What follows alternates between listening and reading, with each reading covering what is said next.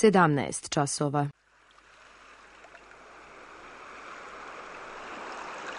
Radio Televizija Srbije. Radio Beograd 2.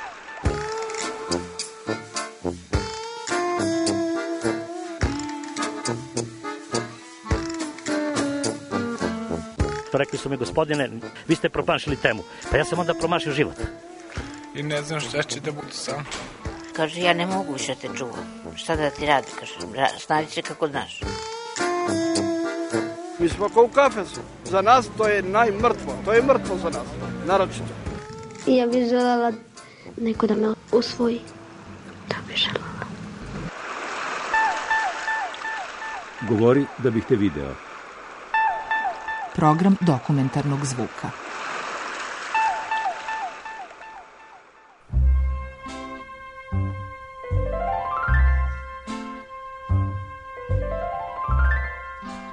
Završila sam osnovne studije filozofije na Filozofskom fakultetu u Beogradu i nakon završenog fakulteta sam se zaposlila u kafiću.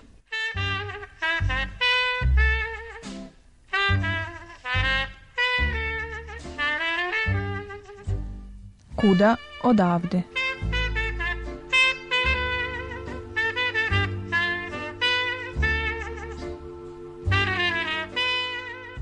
To definitivno nije bio najbolji izbor za neko ko je završio akademske studije, ali svi moji pokušaji pre toga da nađem posao su se završavali dosta neuspešno. Sigurno nisam pokušala sve što je moglo da se pokuša u, u ovom gradu i u ovoj zemlji, ali nakon četiri meseca rada u kafiću, moja odluka je bila ja od sledećeg meseca idem u inostranstvo.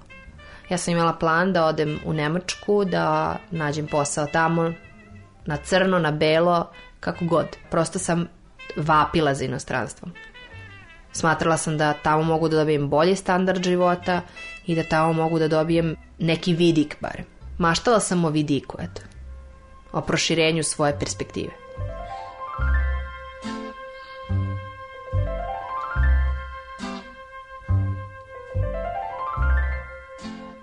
Pošto sam dobila posao po preporuci najbolje drugarice, zaposlila sam se na kraju u tom kafiću sa njom i zajedno smo tamo radile. I jednog dana, eto, bukvalno slučajno, smo dobile ponudu da radimo u jednoj kozmetičkoj kući u Ujedinjenim Arapskim Emiratima. I naravno, bile smo dosta sumljičave i skeptične, kao i većina ljudi ovde, da li se radi o nekoj lažnoj ponudi, da li se radi o kidnapovanju, e, trgovini ljudima, prodaju organa. To su prosto bile prve misli koje su, koje su nam pale na pamet. E, iako nam je ideja delovala jako primamljivo, pre svega zato što smo kao zajedno, zato što bi bile zajedno u celoj priči, e, zato što bi radile jedan ipak ženski posao koji bi bio mnogo bolje plaćen nego ovaj ovde sa mnogo humanijim radnim vremenom i sa svim nekim e, dosta bazičnim zahtevima, ali toliko potrebnim ovde da, eto, kada neko ti ponudi nešto tako, ti to zaista gledaš kao ponudu života. Ovde bi nas čekali, kao što su nas i čekali, poslovi, kafić, pijaca, promocije ili nešto možda još gore. U tom smislu nam je inostranstvo delovalo kao dobra opcija zato što smo znali da barem za rad koji će biti težak i naporan ćemo dobiti veću količinu novca. Prosto ta potreba za nekim osnovnim dostojanstvom koje će nam neko pružiti kao naš poslodavac. Znači radno vreme koje je fiksno, plata koja stiže određenog dana u mesecu, za mene lično nezadimljen prostor. Znači neke stvarno ono toliko osnovne stvari, ali ovde su delovale nedostižno. I čak ukoliko bi i bile dostižne preko neke uglavnom debele veze, e, ludačke sreće, one ne bi bile dobro plaćene.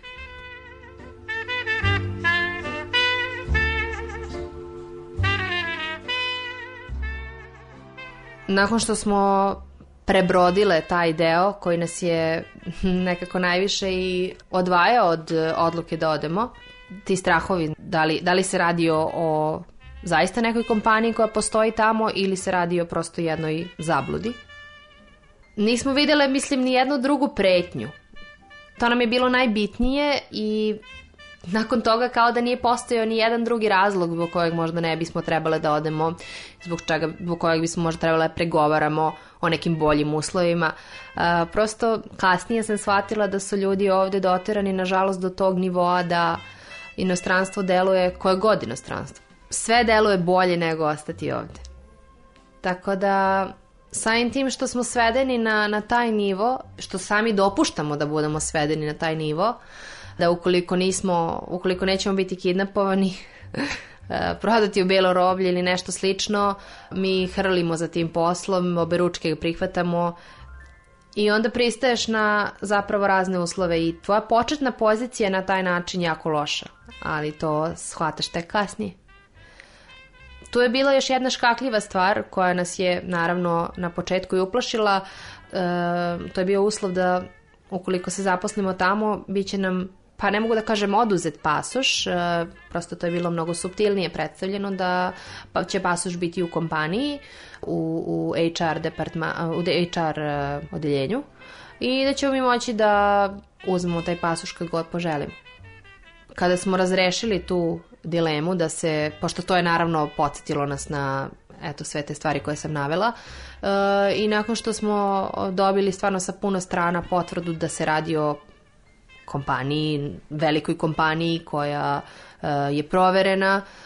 Eto, kao da smo svi odahnuli i čekali da, da dobijemo kartu za, za Dubaj. I found a dream could speak to A dream that I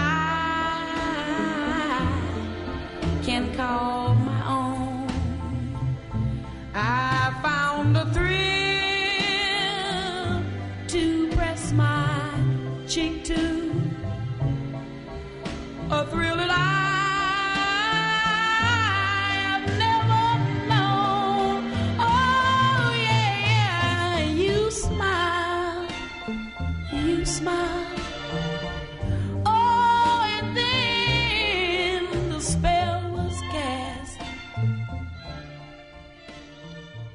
Naravno, dočekani smo u najboljem, eh, najboljem svetlu. Eh, Kompanija nam je priredila zaista onako jedan svečani doček, eh, odsedanje u hotelu, upoznavanje sa samom kompanijom, sa radom i filozofijom kompanije.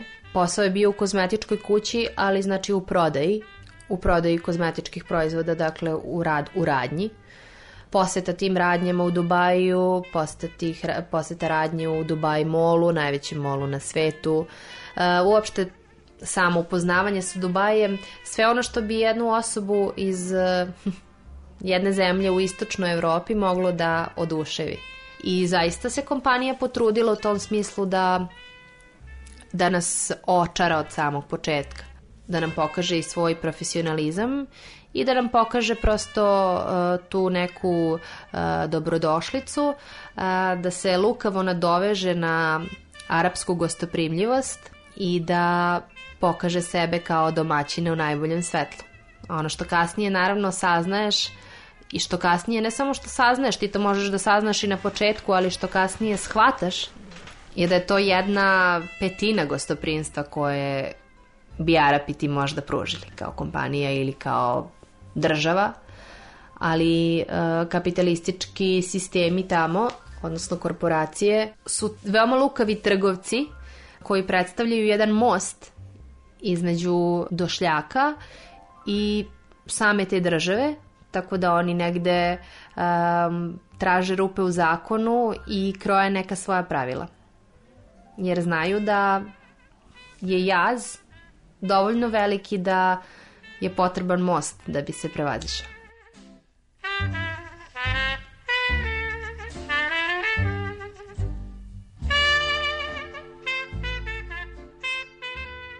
Kompanije dovode ljude iz Evrope, pre svega ljude iz istočne Evrope, zato što uh, tu su tu uglavnom ljudi dosta obrazovani, uh, ljudi koji su kad kažem obrazovani, ne mislim samo da su završili neke visoke škole, prosto to su ljudi čiji je duh, čiji je um obrazovan u kontekstu Evrope. I samim tim u poređenju sa ljudima iz uh, jugoistočne Azije, koji tamo predstavljaju većinu radne snage, ne mogu da se uporede. Tako da, pošto najveću snagu tamo, najveći, najveći deo radne snage je trenutno na tim, da kažem, opet e, nižim pozicijama, e, čine uglavnom ljudi sa Filipina, e, iz Pakistana i iz Indije. To je znači najveće, najveći deo radne snage.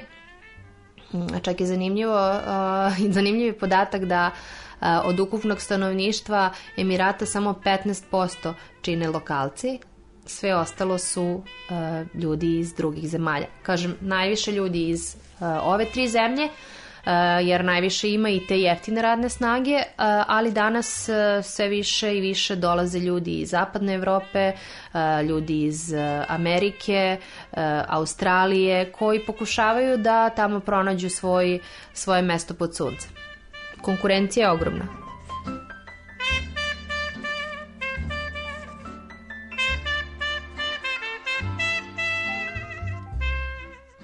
Taj sudar svetova koji postoji tamo. Uh, ima različite implikacije koje su jako interesantne, a jedna od tih uh, su zapravo dvostruki standardi koji postoje u tom društvu. Pre svega u, Abu Dhabi, u Dubaju, ali i u Abu Dhabiju se to dešava, jer Abu Dhabi ni malo ne kaska za Dubajem po pitanju te otvorenosti ka, ka Evropi, ka zapadu i ka toj želji za što bržim razvojem, ali sada već u kontekstu e, u tom kulturološkom smislu. Tako da ti dvostruki standardi su nešto, mislim su jako zanimljiva pojava, e, jer imamo s jedne strane državne zakone koji zabranjuju, na primjer, konzumiranje alkohola, ali u svakom hotelu e, kafi, ne kafiću, ali u svakom hotelu vi možete naravno da odete i da naručite alkohol, a, a takođe postoje i prodavnice na ulici koje su samo zatamljene i nisu istaknute kao ostale prodavnice u kojima se prodaje alkohol u ogromnim količinama. Mislim, ima svak, svega i svačega. Uh, I to je samo jedan od primjera tih dvostrukih standarda. Tako da čovek jako lako može se izgubi tamo. Zanimljivo je to da uh, vas zapošljiva evropska kompanija. Uh, I vi nekako se osjećate sigurni zbog toga, E, prosto zato što tu ima zaposlenih i ljudi iz Evrope na nekim višim pozicijama, naravno iz zapadne Evrope, pošto ta, ta klasna razlika je tamo veoma očljiva. Ljudi iz zapadne Evrope, e, iz Amerike, iz Australije dobijaju mnogo bolje pozicije i imaju šansu da zaista zarade veliki novac. Sama ta podela poslova je dosta drastična. Tako da vi osjećate neku sigurnost. E, ok, ako arapske zemlje nisu toliko prijateljski nastrojene prema nama, prosto zbog njihove kulture, nekako vam ti evropljani ulivaju sigurnost. Ok, potičemo iz nekog sličnog društva, e, imamo neke slične vizure sveta. I to može da bude isto klopka. Zato što u nekim teškim situacijama ti ljudi se neće tu naći za vas. Vi nećete moći njima da se požalite ukoliko ste eto prekršili zakon e, trudnoćom na primjer, što je zaista bizarno iz naše perspektive, vi nećete moći se obratiti nikome iz svoje kompanije. Jer će vas svi posavetovati, čak i vaša ambasada, da treba da se spakujete, odete iz zemlje ili se što pre udete. Tako da, eto, e, mislim da, da zaista čovek mora da bude puno obazriv, ali je problem što postoje neke stvari na koje on ne može uopšte koje on ne može da predvidi, zato što ima toliko stvari. I ne, ne mogu da, da, da ne, ne osjećam nepravdu da kažem da je tu uh, zaista ceo teret na pojedincu.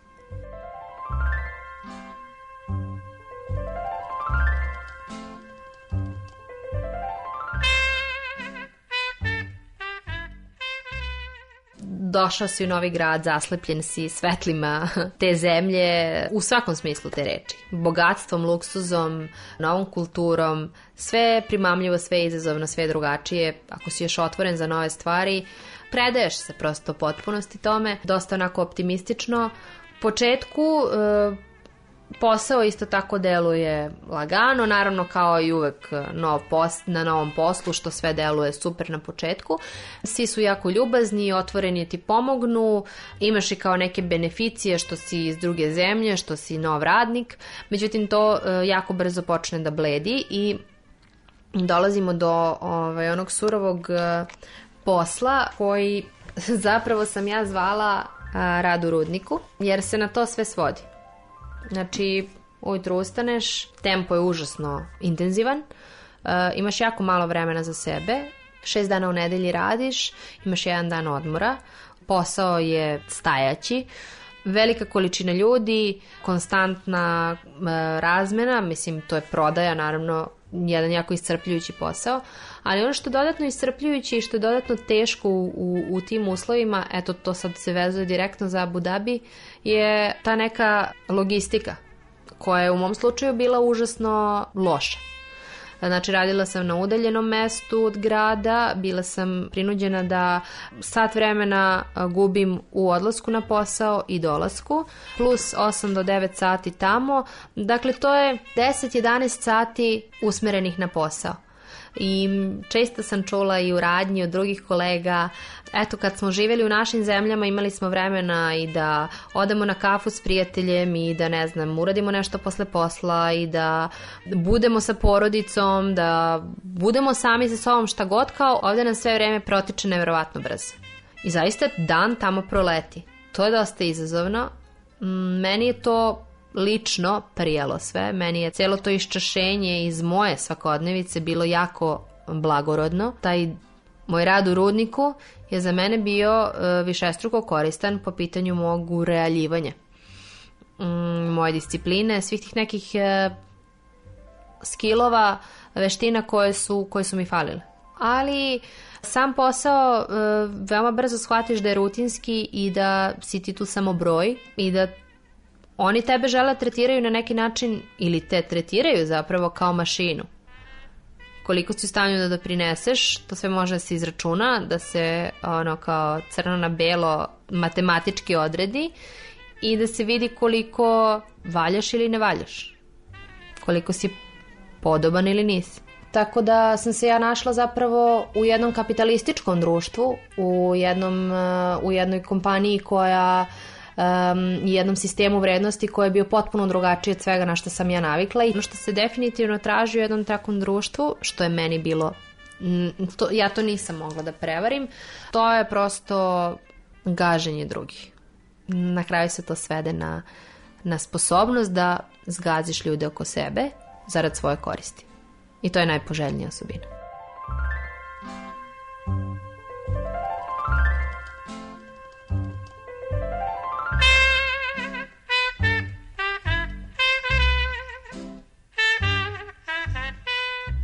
Nerealnost sa kojom kreneš odavde, uh,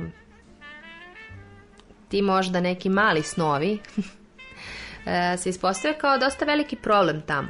Zato što ljudi krenu odavde sa idejom uh, idem da zaradim ogroman novac, koji mi se nudi na tacni. Svi samo eto mene čekaju, odnosno pojavila se kompanija koja je dovoljno luda da eto traži nešto tako jednostavno i malo.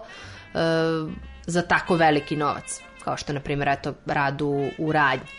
Jer odavde sve deluje idealno. Mislim, i napravljeno je tako da deluje idealno. Da bi ljudi zakoračili na taj put. Naravno, mnogim ljudima je teško da ostave svoje porodice, da ostave svoju zemlju. Um, ima i onih kojima nije to izazov, ali eto i ti ugovori i te ponude su naravno napravljene tako da deluju idealno, da deluju jako izazovno i primamljivo, ali kada odeš tamo shvatiš da um, je to na neki način potpisivanje pakta sa đavolom. To je možda je sad dosta surovo, ali uh, više to kažem u kontekstu onoga šta stoji iza napisanog, iza izrečenog. Uh, jer zapravo ta kompanija od tebe traži, i mislim da to traži svaka kompanija, ne da ti odradiš samo svojih 8 sati, nego da ti bukvalno daš svoju dušu. To znači da ti treba da budeš njihov zaposlen zapravo 23 sata od 24. Ako ne i svih 24 sata. A, prosto oni se trude da svaki trenutak tvog slobodnog vremena a, bude njihov. U mojoj kompaniji se to e, rešavalo na taj način što kompan, kompanija kao takva ima jako jaku filozofiju um, koja je zasnovana na ideji adiktivnosti. E, prosto njihov otvoren cilj jeste da e, naprave jedno adiktivno iskustvo prema mušterijama, ali da bi prodavci bili u stanju da to uh, izvedu, oni sami moraju da budu na taj način povezani sa vrednostima kompanije. Tako da to je jedna zapravo surova igra u kojoj ti uh, moraš da uh, u sebe ugradiš te vrednosti da bi mogao da budeš dobar radnik. Uh, zatim se uh, zahtevi samo povećavaju. Kada si prošao taj deo, naravno dolaze novi zahtevi. Oni su u jednom trenutku uveli aplikaciju na mobilnom telefonu koju treba da igraš uh, kada kao neki interni trening svakodnevni koji treba da igraš kada nisi na poslu. Znači ta potreba da se, da se radnik u potpunosti uvuče u kompaniju, usisa, da on postane deo, integrativ, integrativni deo jednog sistema. I to su neke stvari koje shvatiš tek kada odeš tamo ali s druge strane zato ti daju toliku platu. Zato te ispašavaju iz tvog života.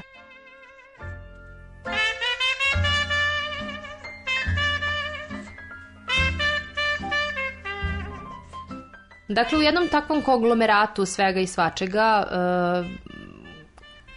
kompanije kojima je cilj profit e, traže svoje mesto i u stanju su da se jako dobro ugnezde u jednu takvu sredinu i da ostvare svoju korist. One u jednom smislu koriste, eto rekla sam, taj jaz koji postoji, kroje same svoja pravila i sad pričam naravno opet ono što pogađa te ipak niže slojeve društva, upućuju ih na neke stvari po sobstvenoj interpretaciji. To je ono što je mene snašlo. Situaciju u kojoj sam ja uh, dobila hitan poziv iz Beograda, zato što mi je majka bila bolesna, ja pasoš nisam mogla da dobijem, sve dok im nisam dostavila uh, dokaze o tome, kupljenu povratnu kartu, uh, da bih taj dokument mogla da dobijem. Što nije nešto što su rekli na početku.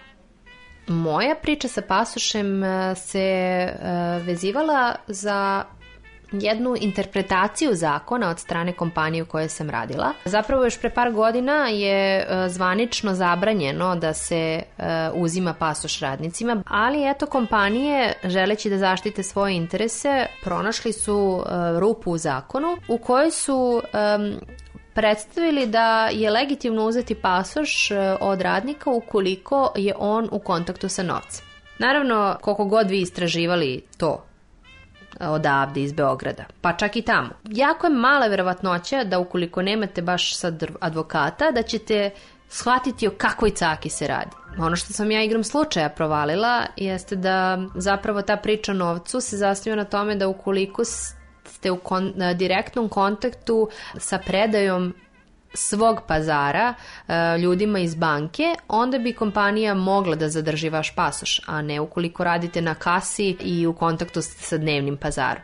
Ali oni su iskoristili taj razlog kao izgovor da svima uzmu pasoš. I dobro, to nije toliko strašno, ne deluje toliko strašno, iz fazona si otišao sam da radim, uh, neće mi pasoš biti potreban, ne planiram nigde da putujem, Znaš da ćeš ga dobiti za svoj zvaničan odmor, ok. Kao oni su ti još i obećali da ćeš dobiti pasoš u svakom trenutku u kojem poželiš da dobiješ svoj pasoš. Ali onda se, kad odeš tamo, suptilno e, ispostavlja da i kad tražiš pasoš, na primjer, za otvaranje bankovnog računa, tu se onako postavljaju pod pitanja, e, nailaziš na neke onako nepoverljive poglede, e, prosto ne osjećaš se prijatno što uopšte tražiš taj dokument i kao da je sve napravljeno da ti baš ne tražiš taj dokument često, da, da to baš i nije najpoželjnija stvar. A, I ono što je interesantno iz moje, mog iskustva sa, sa naravno, mislim, tog strašnog iskustva sa nedobijanjem pasoša na sobstveni zahtev, um, sa torturom u takvoj jednoj traumatičnoj situaciji gde ja saznajem prosto um, daleko od kuće jednu takvu vest, da jedino što želim je da se spakujem i da dođem za Beograd istog dana. Ja moram da se bakćem sa papirologijom, sa dobijanjem koje kakvih potvrda iz bolnice, sa kupovinom karte tog istog dana, mislim, kakva cena može da, da bude za nešto tako, da bih prosto nekome podnela dokaz da ne lažem. I onda shvataš desi. Onda shvataš ko si ti tu. I ona sva bajka s početka koja je tako suptilno bledela raznim situacijama, na kraju zapravo potpuno izbledi. I ti vidiš da si ti tu samo jeftina radna snaga i da je to sve upakovano u jedan šareni papirić.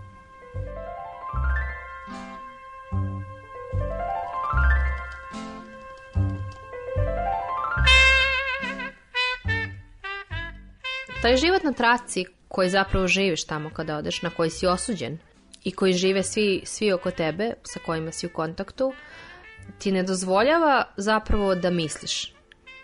On je tako, život je tamo tako na neki način i strukturisan da imaš odmora toliko da zaista se restartuješ, da možeš da preživiš narednu nedelju. Tako da tu nema prosto momenta za dokolicu i za refleksiju o sobstvenoj poziciji um, i o sistemu u kom živiš.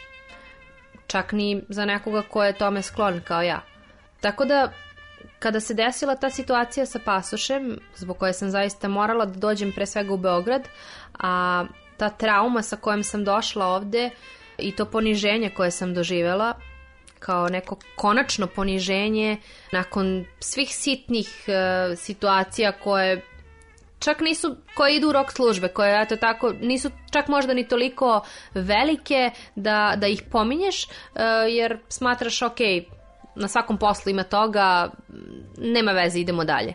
Ovo je bila prosto konačna stvar preko koje ja nisam mogla lako da pređem i tek kad sam došla ovde, kad sam se izdvojila iz sistema, kada sam izašla iz njega, pa je prošlo, na primjer, nedelju dana, deset dana, dve nedelje, onda sam mogla da, da počnem da, sagled, da, da sagledavam zapravo gde sam živela i kako sam živela. I da prvi put poželim da se tamo ne vratim.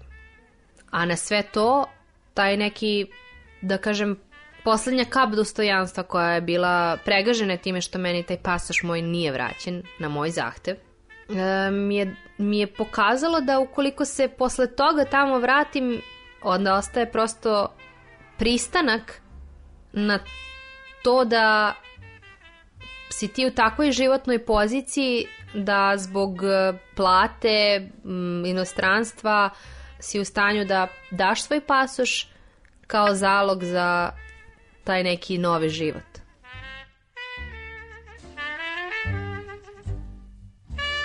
Absurdnost dileme ostati ili vratiti se je ono što me, kao što pretpostavljam i većinu ljudi koji tamo odu, najviše muči.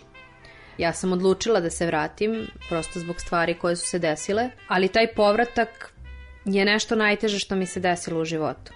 E, zato što ipak korak koji sam napravila, koji je bio sam po sebi užasno težak i sve to što sam tamo ipak proživela, je jedan korak dalje.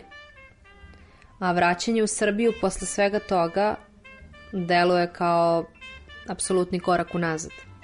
I to ne na ono što, gde sam bila pre nego što sam otišla u Abu Dhabi, već na neku poziciju koja je gore od toga, od te.